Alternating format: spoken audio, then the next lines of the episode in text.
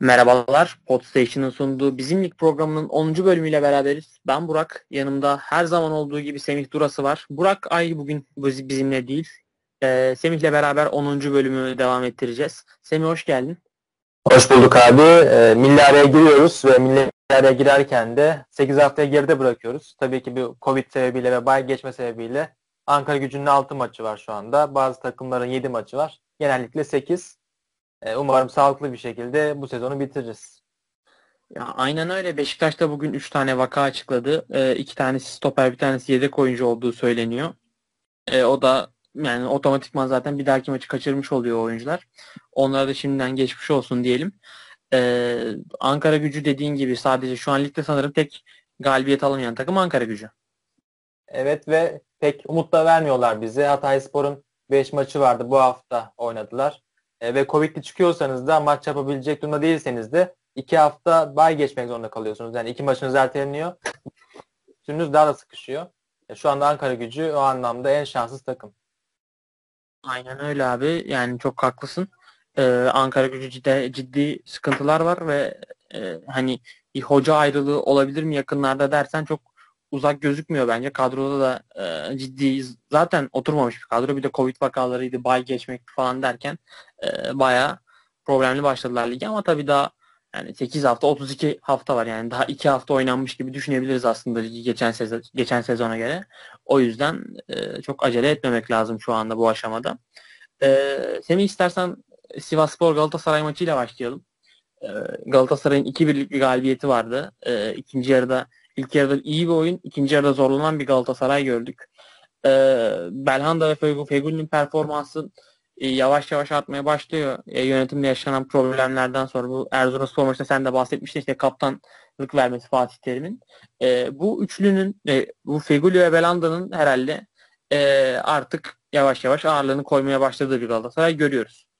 Aynen öyle. 4 yıllık kariyerinde ilk kez kaptan çıkmıştı Belhanda. Bu tam bir mesajdı. Sana ihtiyacım var mesajıydı Fatih Hoca tarafından verilen. Ve Fegül ve Belhanda kötü olduğunda takımın ne kadar zorlandığını da gördük e, Alanya maçını tamamen bu anlamda kaybetti Galatasaray. Fatih Hoca biraz ceza verir gibi vermişti ve bundan bence pişman da oldu. E, Erzurum maçına biraz telafi etti. Ve son iki maçta e, Galatasaray'ın biraz daha rakiplerin bireysel eksiklerinden faydalandığını söylüyorduk. Erzurum ortalamda kaybettiği pozisyonlarla birlikte Galatasaray'ın bunun içeriğini boşlukta değerlendirdiğini söylüyorduk. Ankara gücü maçında yine keza aynı şekilde e, Ankara gücünün sol kanadına odaklanmıştı Galatasaray ve e, Rize maçında 5 gol görmüştü Ankara gücü o bölgeden gelen ataklarla birlikte. Galatasaray da buna odaklanarak maçı kazanmıştı. Ama Sivas Spor maçı apayrı oldu. Merkezden delerek rakiplerini yenmeyi başardılar. Bu anlamda çok önemli bir galibiyet. Çünkü e, bu bölümde en azından bir şekilde bir golü atıp 3 puan almaya odaklanmıştı Galatasaray. Fatih Hoca da bunu, buna söylemişti. Önemli olan 3 puan. E, oyundan ziyade biz buna bakıyoruz demişti. Ama Sivas Spor maçı bize gösterdi ki Galatasaray biraz gelişmeler var ve e, Belhanda, Feguli, Arda, Emre bunların performans arttığı zaman siz merkezden çok daha iyi atak yapıyorsunuz. İlk golde de, ikinci golde de merkezden çok rahat bir şekilde Sivas Spor gibi iyi bir iyi bir takımı hiç kolay değildir Sivas'a bunu yapmak. Galatasaray gösterişli bir e, pozisyonlara girerek galibiyeti koparmayı başardı. Tabii ki son yarım saatte düşüşler sürüyor Galatasaray'da. Ya aynen öyle. Senin bahsettiğin yani Galatasaray tarafında çok haklısın.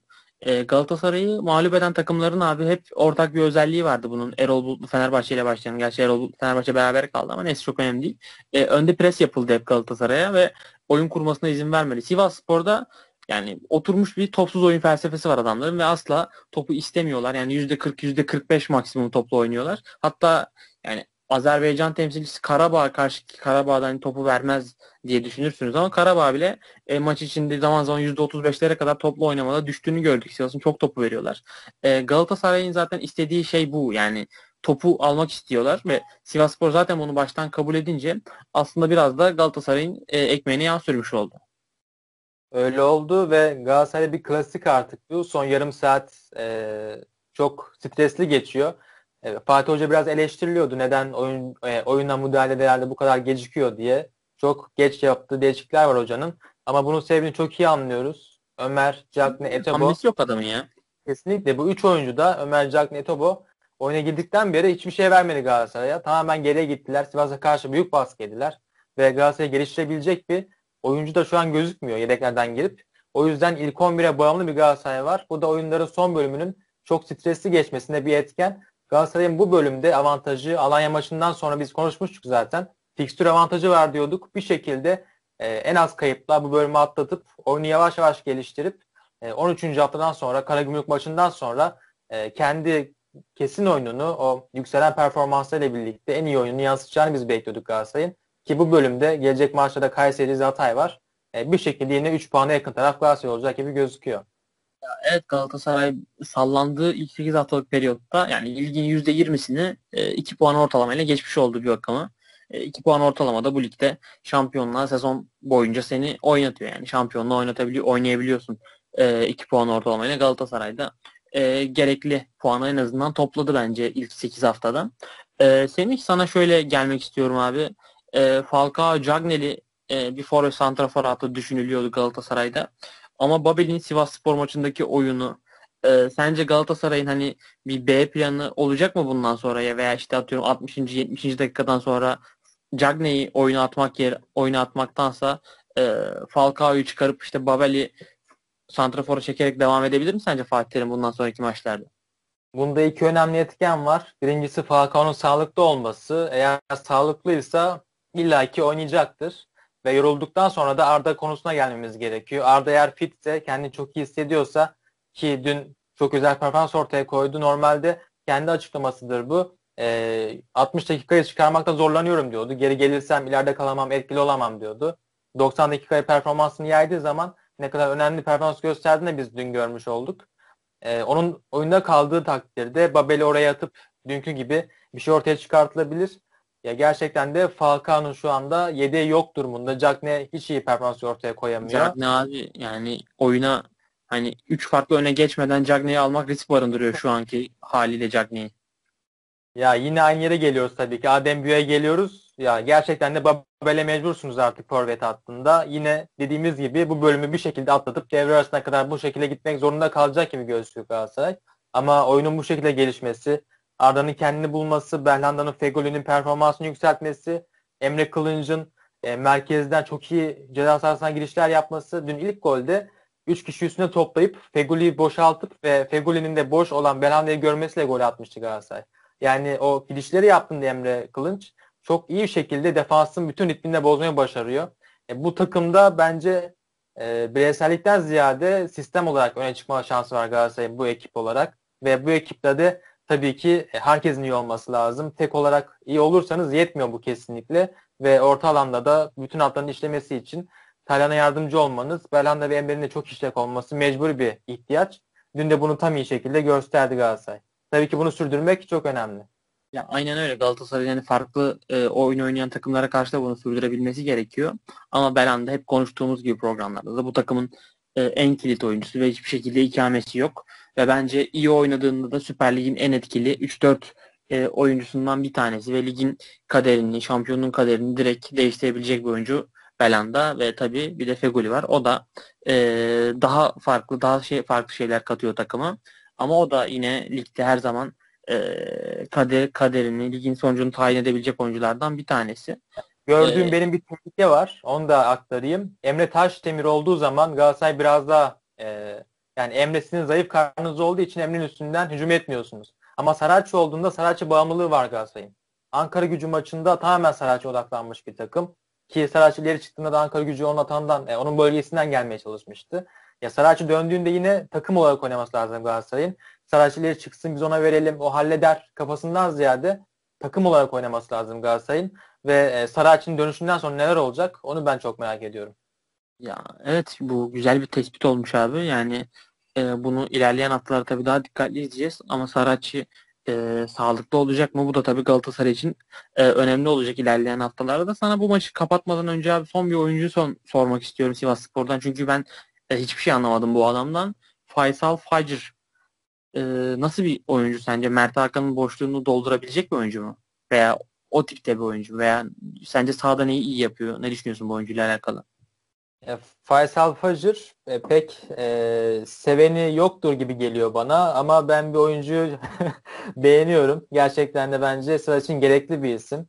32 Aynen. yaşında olmasına rağmen e, bu sezon e, ikinci haftada çok dikkatimi çekmişti. Takımın en fazla top çalan oyuncusuydu. En fazla pas arası yaparak takımın Rattan ismiydi. Ve son iki maçta da hem Hatay maçında hem Galatasaray maçında takımının en fazla e, şut girişimi yapan oyuncusu. İsabetli şutlarda da en fazla çeken oyuncu Faysal Bacır. Ve bence hiç fena işler çıkarmıyor. Tamam şampiyonluk seviyesinde üst seviyeleri zorlayacak bir oyun oynatmaz. O kadar güçlü bir oyuncu değil.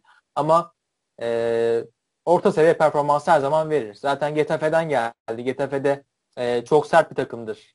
E, şu an evet. hocanın adını hatırlayamam. Çok sevdiğim bir isimdir. E, tamamen orta Bordalas mıydı?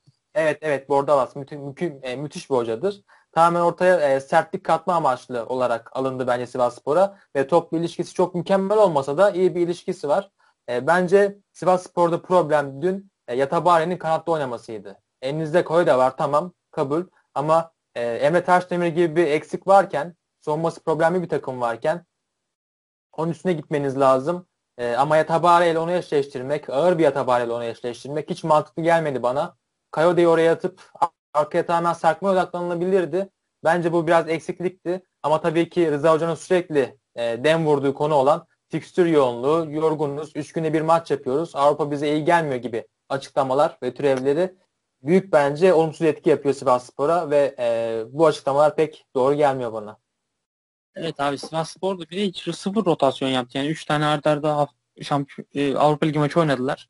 E, bir kez bile rotasyon yapmadı. Hep yani Jorge Felix diye bir adam geldi mesela sezon başında ve e, hani takımın en iyi transferi gibi gözüküyordu en azından istatistiklere geldiği lige vesaire bakınca ama adam e, hani süre bile alamıyor neredeyse çok çok e, sonradan giriyor oyuna. E, bence e, Sivasspor bu Avrupa Ligi ve ligi aynı anda götürme konusu biraz zorlayacak rotasyonu bu kadar e, az yaparlarsa. Neyse bu maçı geçelim istersen. Senin var mı eklemek istediğin farklı bir konu? Yok benim yok hayır. Benim de yok. Ee, istersen Fenerbahçe Konyaspor maçına geçelim. Çok bir mağlubiyet aldı. Fenerbahçe 2-0'lık e, aslında konuştuğumuz şeyler vardı geçen hafta da bu takımın hani hücumdaki organizasyondaki belli e, sıkıntılarını konuşuyorduk. Ya ben kadro tercihine çok takıldım. Yani Sosa oynamıyor abi. Sosa yok bu maçta. Ozan'ı geriye atmış Erol Bulut. Olabilir mantıklı. Tiam'ı öne atmış ama ben bu kadroyu görünce Semih şey bekledim yani. Fenerbahçe dedim herhalde iyi, güçlü bir üçüncü bölge presiyle başlayacak maça. Ama hiç öyle bir şey yoktu. Hiç öyle bir girişim yoktu. Hiç e, bir pre pres girişimi göremedik. E, yani zaman zaman işte Samatta'nın veya Pelkas'ın ikili pasta çıkarmamak için yaptığı presler vardı ama bu da kompakt olmaktan çok uzaktı. E, böyle olunca Konya Spor e, yani Fenerbahçe bir atak sürekliliği sağlayamadı ve e, Konya Spor aslında e, İsmail Kartal'ın başlangıç planında belli ölçüde tutmuş oldu. Erol Hoca şunu düşündü. Dedi ki madem Sosa yok ben herkesi kendi bölgesine kaydırırsam en iyi performansı alırım diye düşündü. Ama bu doğru değildi. Çünkü artık oturmaya başlamış bir sistem vardı. Ozan on numara bölgesinde gayet iyi kendini idare ediyordu. Hadi bunlar tamam diyelim. Ozan ve Pelkas kendi bölgelerinde oynasınlar. Ama Mamatiyam'ın bu kadroda ilk 11 olarak bir anlamı yoktu. İki haftadır kadroya giremeyen bir Tiam vardı. Ferdi de aynı şekilde e, hiç kullanılmıyordu, hiç düşünülmüyorlardı. Tiam'ın direkt 11 başlaması ve bence e, Valencia ile birlikte oynaması bütün sistemi bozmuş diyebiliriz. Caner ve Tiam'ın zaten e, uzun zamandır birlikte oynamadığını da biliyoruz. Ya ben olsam Caner'i öne atardım. Novak'ı arkasına alırdım. Bu şekilde bir çözüm üretebilirdim. Ama tabii, tabii ki maçtan sonra konuşmak kolay. Ama Tiam'ı oraya koymak bence hiçbir mantığı yoktu. Ve e, takımdaki ileri uç, ileri uçta rakip alanda en iyi oyunculardan biri olan Pelkas'ın, takıma dinamizm katan Pelkas'ın 60'da oyundan çıkması hiç anlaşılır gibi değildi. Ya uzun zamandır biz bunu görüyoruz. Hoca onu etki etmeye çalışıyor ama Trabzonspor haricinde yaptığı değişiklikler pek olumlu da yansımıyor. Geçen hafta Sinan Gümüş, e, Adem'i Mert Hakan girmişti oyuna. Hiçbir olumlu katkı alamadı Fenerbahçe. Bu hafta yine farklı değişiklikler yapıldı. Yine olumlu katkı alınamadı. Ama işte e, geniş kadronun da zararları bunlar. Gayet normal konuşulması. Ya Fenerbahçe'de biraz ligin ilk 15 haftası biraz seçme gibi geçecek. Yani belli oyuncular işte rotasyondaki sürelerini belirleyecek oynadığı futbolla. Ve bence Tiam bundan sonra rotasyonda çok az süre alacaktır. Yani maksimum 30 dakika alacaktır çok büyük patlama yapmadığı sürece. Onun boşluğunu kim dolduracak o önemli. Perotti büyük ihtimalle ilk 11'e geçebilir milli maç arasından sonra. Ben Ferdi'nin hocanın Ferdi'ye çok inanmadığını düşünüyorum. Yani ben bu maçta şahsen e, şey diye düşünüyordum. İlk aklıma gelen hani Perotti yeterli değil. Etiam zaten ilk iki hafta çok e, yetersiz kaldı. İşte e, orta sahayı bozmaz. Gustavo Gustavo Mert Hakan Pelkas yapabilir. Gustavo Mert Hakan Ozan yapabilir. Yine Pelkas'ta başlayabilir veya Gustavo Ozan Pelkas yapıp sola Ferdi atıp yine bir oyun kurucu kanat Pelkas gibi onu kullanabilir diye düşünüyordum ama e, hiç Erol Hoca o topa girmedi ve e, şu an biraz da aslında yani çok kötü bir maç değildi Fenerbahçe için ama tabii beklenen dominantlık yoktu.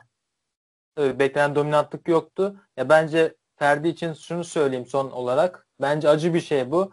Hoca bakalım neler yapacak diye oynattı. İnan, inandığı için bence oynatmadı Ferdi'yi. Hadi oyuna gir de bir şeyler yap. Değiştir maçı olarak kullandı bence Ferdi'yi. Çünkü bu kadar az süre verip ondan bir anda bu, bu şekilde e, gerideyken yarlanmak istemeyin başka bir anlamı kalmıyor. Ve işte bu anlamda da biraz problemler var gibi gözüküyor Fenerbahçe'de. Ya bu maçta dediğin gibi Yevtovic'in inanılmaz Roş'ta gol olmasaydı Fenerbahçe yine bir şekilde çözüm üretebilirdi. Ama Konya Spor'un hakkını vermek gerekiyor. İsmail Kartal çok iyi çalışmış. E, İsmail Kartal gibi bir isme de Gökhan Caner e, bu kez olmuyor. Çünkü bunu en iyi bilen hocalardan birisi. E, hiç kolay değildir tabii ki bunları engelleyebilmek. Takımlar bildiği halde engelleyemiyor. Ama İsmail Kartal çok iyi çalışmış. E, ortalarda hiç geçit vermediler. Merkezi çok iyi kapattılar. Ve Konya hakkında bir önemli nok- nokta daha var. Onu aktarayım.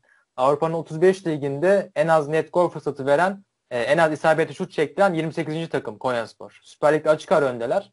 Avrupa'nın 35 liginde binlerce takım arasında e, yüzlerce takım arasında da e, en iyi 28. takım durumundalar. Siz bu takımı ortaya geçemediğinizde, merkezden delemediğinizde net fırsat yaratmakta çok zorlanıyorsunuz ki bu gayet doğaldı. Fenerbahçe 13 tane şut çekti ama 2 isabette kaldı. Bu gayet doğaldı bu kadar iyi kapatan takıma karşı. Ama işte e, o golü bulamadığınızda e, rakip de size bu şekilde ceza kestiğinde inanılmaz bir golle tamamen dağılıyorsunuz. Özellikle 2-0'dan sonra Fenerbahçe e, maç bitsin gidelim kafasındaydı. Ruhları dolaşıyor oyuncuların. Evet evet ya yani çok hiç o ruh yani ruh değil de en azından bir insan çabalanan çabalayan oyuncular görmek istiyor. O da yoktu. Ee, Fenerbahçe için yani e, çöküş maçı oldu aslında. Hiç e, her şey çok iyiken üst üste galibiyetlerle işte vura vura şampiyonluğa gidiyor kafasındayken yani tam bir soğuk duş oldu. Hani böyle galibiyetli ligde normalde İstanbul Büyükşehir Belediye alırdı önceden. Şimdi Konya Spor aldı ve bir anda e, bütün Fenerbahçe taraftarı sorgulamaya başladı. Yine mi işte e, dağılacağız? Yine mi sezon çok kötüye gidecek? Yine mi işte geçtiğimiz sezon gibi işte şampiyonluk hayaliyle başlayıp 7. mi olacağız? Yine Galatasaray işte şampiyonluğu verdik mi bu maçta diye sorgulamalar başladı büyük ihtimalle kuruntu şeklinde. E, bunu hızlı sonlandırmak yine Fenerbahçe'nin elinde olacak. Hani Gençler Birliği ve Beşiktaş maçlarında e, alınacak kötü sonuçlar e, bu kötü gidişatı daha da körükler. Ama şu anda tabii her şey normal. 8 maçta alınan 17 puan var. Zaten Göztepe, Antalya Spor ve işte Rize Spor deplasmanlarının 3'er puanla çıkmanın şeyini Fenerbahçe'nin Hatay Spor ve Konya Spor maçlarını o şekilde biraz telafi etti diyebilir miyiz Semih? Ki zaten şöyle fikstür açıklandığında Erol Bulut'a sorsanız ilk 8 hafta bir yenilgi alacaksınız kabul mü deseniz harika derdi. Fenerbahçe bu kadar iyi bir başlangıç yaptı. E, zaten kendisi de söyledi bunu. Erol Bulut da söyledi. E, bize bir zaman lazım. Kasım'ın ortasından sonra Kasım'ın sonlarına doğru daha iyi bir performans gösteren Fenerbahçe'yi göreceksiniz. E, bizim zamana ihtiyacımız var demişti. Ki bu bölümü de gayet iyi bir şekilde geçtiler. Bence bu gerekli bir uyarıydı. Fenerbahçe'nin daha fazla e, üretkenlik anlamında çeşitliliğe ihtiyacı olduğunu biz daha iyi görmüş olduk. E, ve bence bu iki hafta iyi bir süre olacak Erol Bulut için. Daha fazla farklı planlar, B planları, C planları oluşturabilirler. E, bu bence iyi bir uyarı oldu. Buna da ihtiyaç vardı gibi geliyor bana. Aynen öyle. Yani e, bunu göreceğiz Erol Bulut'a nasıl yansıyacak ve e, orta ısrarından biraz sen Fenerbahçe vazgeçebilecek mi genel itibariyle bunların hepsini yine önümüzdeki haftalarda yine e, göreceğiz. E, haftayı mağlubiyetle kapatan bir diğer büyük takım Semih Beşiktaş'tık. Antep, Gazi, Gaziantep Futbol Kulübü'ne karşı 3 birlik bir mağlubiyet. Geçtiğimiz sezon yine Gaziantep Futbol Kulübü 10 kişi kalan bir Beşiktaş'ı yenmişti. E, bu sezon yine 10 kişi kalan bir Beşiktaş'ı bu sefer e, 3-1 mağlup ettiler. E, bu maç hakkında neler söylemek istersin? Antep çok aslında açık bir planla çıktı maça ve Beşiktaş bu planı engelleyemedi olarak temel olarak bakabiliriz maça herhalde. Yani oyun anlamında söyleyeceğim bunu. Kesinlikle oyunun dışında değil. Beşiktaş'ın biz büyüklüğünü biliyoruz zaten. Ama Beşiktaş'a bence rakipler özellikle Denizlispor ve Yeni Malatyaspor çok fazla saygı duyuyor. Beşiktaş bu kadar kusursuz bir takım değil. Bu kadar inanılmaz kaliteli takım değil. Denizlispor ve Yeni Malatyaspor yenerken Beşiktaş hem Denizli hem Yeni Malatya tamamen birinci bölgede kendini kapatmış. E, kontrayı bekleyen belki top gelir hücum yaparız diyen planları çok zayıf. E, tamamen şut görmemeye, gol görmemeye odaklanmış bir e, mantıkla hareket ettiler. Bu, bu şekilde maça başlamışlardı. Ama Konya Spor Gençler Birliği Gaziantep'e yenildi Beşiktaş. Bu üç takım da top aldığında hemen rakip alanına geçmeye çalıştı. E, asla geride tamamen kapanmadılar. Sürekli üretmeye çalıştılar. Kontrollarda olabildiğince ellerinden geldiğince fırsatlar aramaya çalıştılar. Ve sonuca giderken de e, geride kapanarak yapmadılar bunu. Beşiktaş'ın problemleri belli çünkü. Çok fazla bir hata yapıyor Beşiktaş. E, savunma dörtlüsü çok fazla hata yapıyor.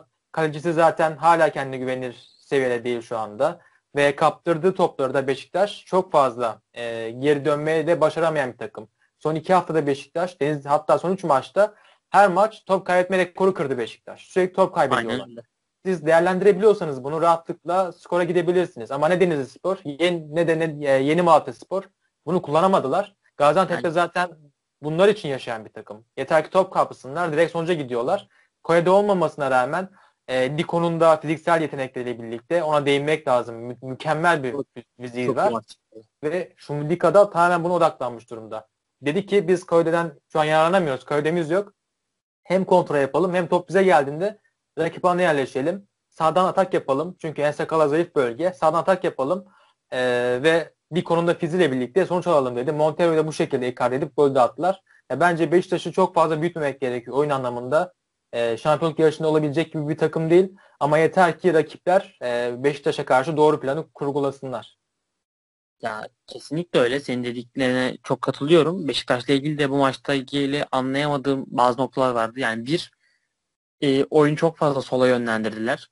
Hani e, senin sol kanadında Larin oynuyor. Santrafor, sol bekin e, Ensakal oynuyor ve adamın güçlü özelliği yani fiziksel ve daha çok defansif ikili mücadele kazanma yüzdesi falan yüksek bir adam. Tempolu bir adam ama hücum beki diyemezsin Ensakala'ya. Ama sağ tarafta hem Gezzal hem e, Valentin Rozier ile oynuyorsun ve e, bu iki oyuncu da öz, e, rahat üretebilecek oyuncular.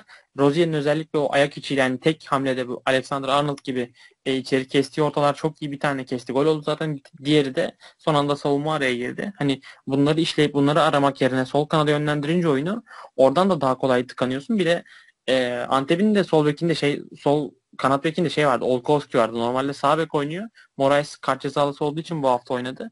O da mesela çok sırıttı maçta aslında. Ama Beşiktaş bunu hiç işleyemedi. Yani işlemeyi de denemedi aslında. Sergen Yalçın'dan ben burada daha bir hocalık görmek isterdim. Ben de öyle. Oğuzhan Atiba Dorukan çıkması da biraz bence soru işaretiydi. Geçen hafta kazandık diye çıkmış diyebiliriz bu kadroya. Zaten ikinci yarı bakma olacak gibi değil. Hemen değişiklikleri yaptı. Josef'le e, bir ismi daha oyuna almıştı. E, Mensa almıştı oyuna. Aynen öyle. Gaziantep'te zaten savunmada çok problem yaşayan bir takım. Ligin en fazla net gol fırsatı veren takımı Gaziantep. Siz Gaziantep'e karşı daha fazla üretebilirsiniz. E, Antep maçlarının 8'de 7'sinde tek Konyaspor maçına gol görmediler. Yine gol gördüler. Yani üstüne gittiğinizde kusursuz bir takım da yok karşınızda. Beşiktaş bunları daha fazla kullanabilirdi. Daha iyi şekilde kullanabilirdi. E, ama işte Ersin'in de atılmasıyla birlikte tamamen çözülmüş bir takım. E, savunma hattınızda da zaten aynı şekilde bireysel performanslar çok kötü durumda. Sergen Hoca'nın da maçtan sonra dediği sözler yani e, çok fazla oyuncuların hedef gösteriyor Sergen Yalçın ve bunu hiç düzeltmiyor. Geçen sezondan beri aynı şekilde devam ediyor. Geçen yıl atılamayan goller vardı. E, demişti ki ben son vuruş bitirişleri öğretecek biri değilim demişti. Bu sezon çok basit hata yapıyor Beşiktaş. Basit hataları yapmamayı ben öğretecek değilim dedi. Wellington çıkınca ne olduğunu gördük dedi. Oyunculara güven aşılamaktan ziyade suçlayan bir tavrı var. Hoca dokunuşu denilen şeyi biz göremiyoruz Beşiktaş'ta. Bu da Beşiktaş'a zarar veriyor. Son olarak şunu da ekleyeyim. Beşiktaş bu sezon 3 kere kaybetti. Üçünde de ilk yarıyı geride kapatmıştı. Yani hiçbir zaman biz reaksiyon da göremedik Beşiktaş'ta.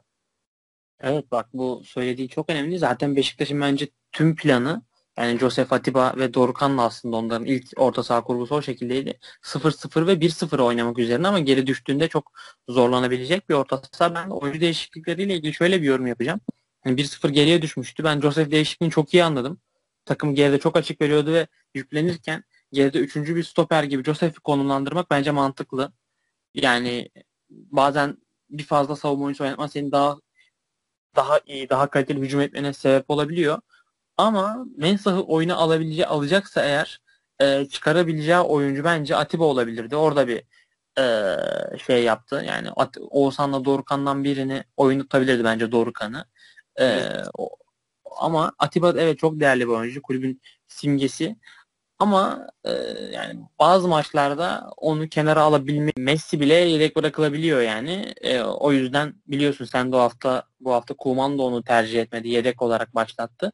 E, Atiba ile Sergen Yalçın'ın zaman zaman yedek bırakmayı, sonradan oyuna sokmayı e, planlaması lazım. E, ki çok form e, düzey yüksek bir seviye değil Atiba. Atiba kötü oynuyorsa almanız lazım yani. Israr etmenin bir anlamı yok. Oğuzhan ilk kere oyunun yönünü birkaç kere iyi şekilde de, e, değiştiren isimdi. Bence çok fazla yükleniliyor Oğuzhan'a. Sürekli oyundan çıkartılıyor. Geçen haftada bu haftada bence iyi işler çıkardı Oğuzhan. E, dediğin gibi Atiba'yı alıp oyundan Oğuzhan'ı tutup Mesa oyuna atmak daha mantıklı olabilirdi. E, gerçekten de Beşiktaş'ta biraz e, şu anda şöyle bir durum var yani. Biz puan kaybedelim ve herkes birbirini suçlasın. Kaos yaşansın gibi bir durum var. Galip gelirken her şey çok güzel ama en ufak bir beraberlikte yenilgide hoca da dahil bunu herkes birbirini suçluyor. Ee, çok kar- karışık bir camia şu anda Beşiktaş. Kesinlikle öyle. Sergen Yalçın'ın da açıklamaları yani işler kötü giderken e, çok yardımcı olmuyor Beşiktaş'a bence. Daha e, sağlıklı bir iletişim olması lazım Sergen Yalçın'ın da ki e, tabii ki oyuncuların bireysel hataları biraz da teknik direktörlere de yazar bence. Yani oyuncuları o bireysel hatalarını yontmak, işte onları o bireysel hataları yapmayacak pozisyonlarda bırakmak biraz daha e, teknik direktörün görevidir diye düşünüyorum. Yani teknik direktör dokunuşuyla yükselen birçok oyuncu var. İlk aklıma gelen Sterling mesela. E, Premier Lig'de son sezonunda en fazla Liverpool'da 10 gol gören bir oyuncu. Guardiola tedrisatında en az 15 atan zaman zaman 20'leri zorlayan bir oyuncuya dönüştü ki hala bitiriciliği iyi değil. Ama attırıyorsun bir şekilde e, ona uygun pozisyonları hazırlayınca. Sergen Yalçın da biraz bence bu konuda e, çalışıyor. Belki yani öyle söylemiştir. Muhtemelen o da böyle düşünmüyordur ama e, biraz zaman zaman hoca ilk aklına geleni söyleyebiliyor. Bence en üst seviyede modern futbolda bu hiç yok. E, Klopp olsun, diğer hocalar olsun takıma dokunuş yapıyorlar. Oyuncudan ziyade takımın tamamen geliştiriyorlar ne yapsam da takım daha iyi olsa diye düşünüyorlar. Ya bence şu modern futbol zamanında Sergen Yalçın'ın bu şekilde düşünmesi hiç hoş değil. Takımı nasıl geliştirebilirime e, daha fazla odaklanması gerekiyor. Biraz yorumcu gibi konuşuyor. Bence bu biraz problem. Gelecek hafta Başakşehir var. Ardından Fenerbahçe var. Bu iki maç e, Sergen Yalçın... Yalçın tarzı biraz advokata benziyor sanki. Evet, evet, evet. Ama işte advokat takımı geliştiriyordu. Sergen o dokunuşu bence pek yapamıyor. Evet bir de advokat yani daha rahattı adam bir sene geldi burada zaten. Çok bir ge- geleceği de yoktu. Rahat takıldı ama Sergen Yalçın Beşiktaş'ta bir geleceği olabilir. Yani daha bence yapıcı olması lazım. Ve tespitler de harika yani. Advokatta çok az yanıldığı e, şeyler görürüz. e, istersen Semih Alanya Spor Trabzonspor maçına da e, geçelim yavaştan. Geçelim. Ya, Alanya Spor gerçekten de ilk kez bu sezon böyle bir görüntü verdi. Bu görüntünün sebebi de Trabzonspor'du. Yani ilk kez biz Alanya Spor'un bu kadar zorlandığını gördük. E, Trabzonspor topu kaptığı anda hemen hiç beklemeden yan pas yapmadan direkt rakibin arkasına, e, savunma arkasına atılan topları hedeflediler. Ve bu şekilde de Canini ile, ile birlikte 3 tane net pozisyonla bulmayı başardılar. Çok iyi şekilde kurgulanmış bir Trabzonspor vardı. Yine bunu ilk yarı çok iyi yansıttılar. İkinci yarı biraz da e, topu rakibe bırakmayı başardılar. Yani başarılar da demekten ziyade rakibe bıraktılar. Yine Fenerbahçe maçının bir benzeri oldu aslında da diyebiliriz.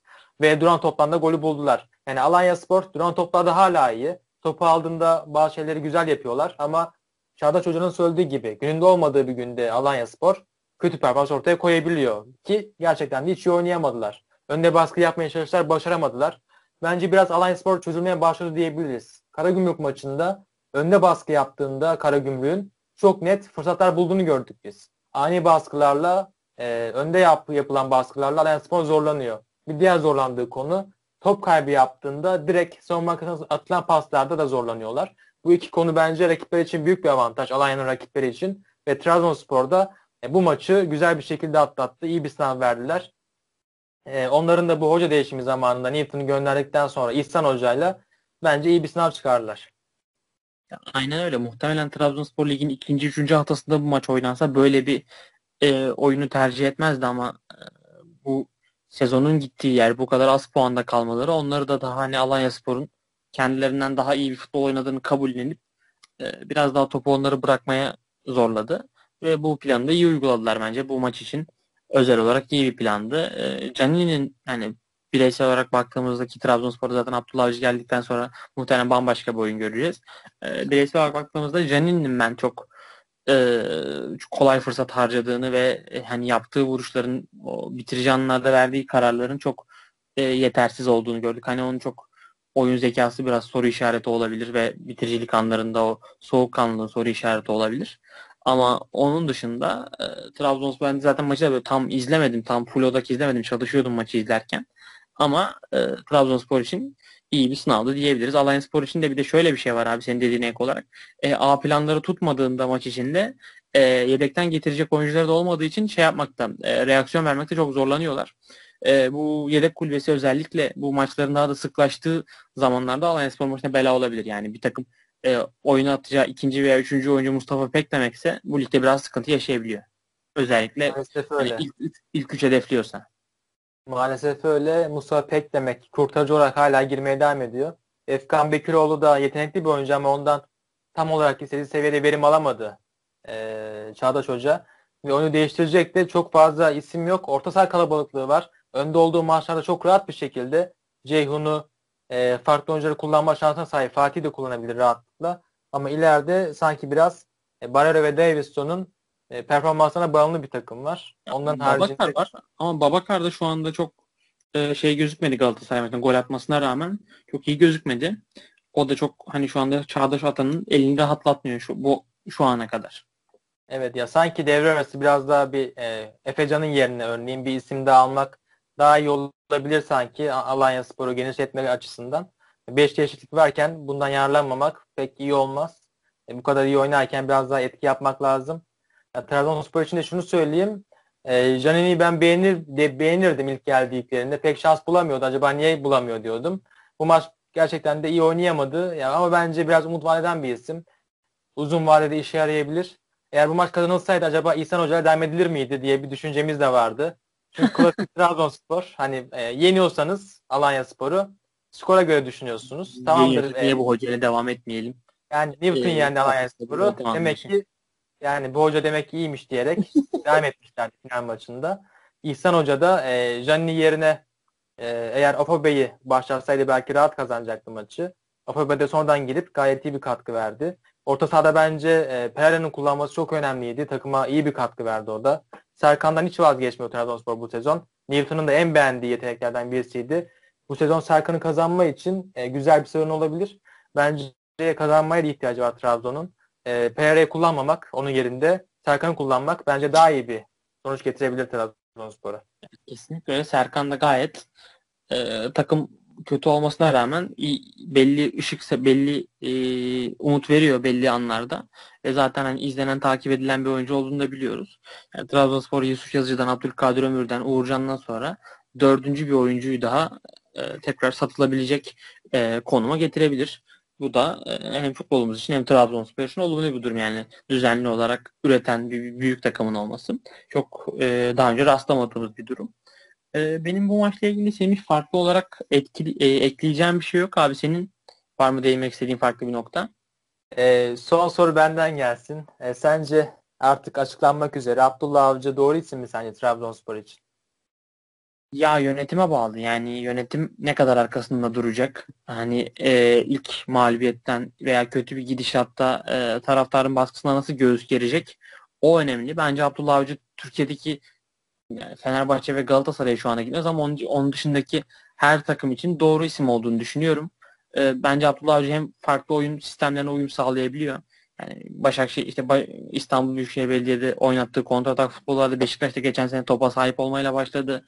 Sonra onu biraz evrildi ve bence Beşiktaş aslında Abdullah iyi iş çıkarıyordu gönderilmeden önce de. Onu gönder biraz Karius onun sonunu hazırladı. Yani duruma göre adapte edebiliyor kendini ve çok geniş bir ekibi var. Modern bir hoca.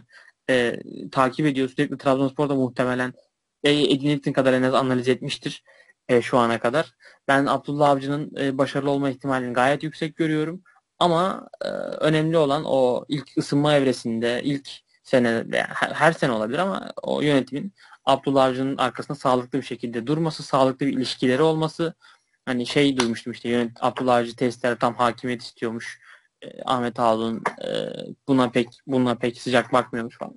Böyle şeyler olmaması lazım ama Trabzonspor tam anlamıyla teknik anlamda Abdullah Avcı'ya emanet edilen bir takım olursa ben e, sağlıklı bir yapı olacağını ve e, bu sezon olmasa da önümüzdeki sezonlarda başarılı olabileceklerini düşünüyorum. Bence de şöyle. Trabzonspor adını kapatalım. Herhangi bir takım olsun. Son bir yılda, son iki sezonda savunma problemleri bir türlü çözülememiş. Sürekli şut gören bir takım. Oyun dengesi hiç yok. E, hücumlarda bireyselliğe odaklanmış bir takım. Bir sistem yok takımda. Bir türlü o dengeyi bulamamışlar. Eldeki genç oyuncuların da e, çok parlayamadığı, biraz gelişimlerinin e, sağlanamadığı bir ekip var şu anda. Abdülkadir Ömür de bir türlü e, gelişim gösteremiyor. Böyle bir cami olsun e, ve Trabzonspor olmasın adı tamamen tam bir Abdullah Avcı ekibi dersin. Bu ekibe Abdullah Avcı lazım. Gelsin oyun şablonu otursun, sistem kursun, takıma karakter versin, biraz performansları yükselsin dersin. Ve savunmada da gayet iyi işler çıkartabilir Trabzonspor Abdullah Avcı ile birlikte. Ama işte o 3 yıllık imzayı attıktan sonra nasıl bir tutum sağlanacak bu önemli. Bence en bir araya gelmemesi gereken iki camia yani iki madde diyebiliriz Trabzonspor ve Abdullah Avcı için. Ama tabii ki tutum önemli, tavır önemli. Camia eğer inanırsa Abdullah Avcı'ya arkasında dururlarsa ve Abdullah Avcı da Beşiktaş'a geldiği gün bir hata yapmıştı. O hatayı yapmazsa zaman istemiyorum derse, zaman konuşmazsa, zaman isterse Trabzonspor'dan çok daha iyi şeyler görebiliriz. Ki daha bugün Trabzonspor'un yerel medyasında Abdullah Avcı ile Uğurcan arasında kriz mi var diye bir haber çıktı. Yani daha daha imza atmadı Abdullah Avcı. Daha yarın geç. Uğurcan ne kriz olabilir? Trabzon hayatına gitmemiş bir isimden bahsediyoruz. Hani 3 yıl sabredin inanın Abdullah Avcı'ya mutlaka Trabzonspor bundan çok daha iyi olacaktır. E, bence çok doğru bir isim bu. E, paramparça olmuş takım için Abdullah Avcı ve en iyi şey de tabii ki sabretmek olacak. Aynen öyle ve e, özellikle Abdülkadir Ömür için Abdullah Avcı'nın Başakşehir'de İrfan Can'ı getirdiği nokta işte Vişçe'yi getirdiği nokta. Abdülkadir Ömür'ü de bence ona güzel bir rol hazırlamıştır Abdullah Avcı. Ee, onun da bence bu sezon Abdullah Avcı ile birlikte yavaş yavaş üstüne koyarak ilerlediğini tabii kendine de baktığı takdirde göreceğiz diye düşünüyorum ben. Ben de aynı şekilde. Ee, o zaman dört büyük takımın maçını konuştuk. Fenerbahçe, Galatasaray ile başladık. Fenerbahçe, Beşiktaş ve Trabzonspor, Alanyaspor maçında. Başakşehir'i bu hafta konuşamadık. Başakşehir taraftarlarından özür diliyoruz. Ee, bizi dinleyen herkese çok teşekkürler. Hoşçakalın. Hoşçakalın.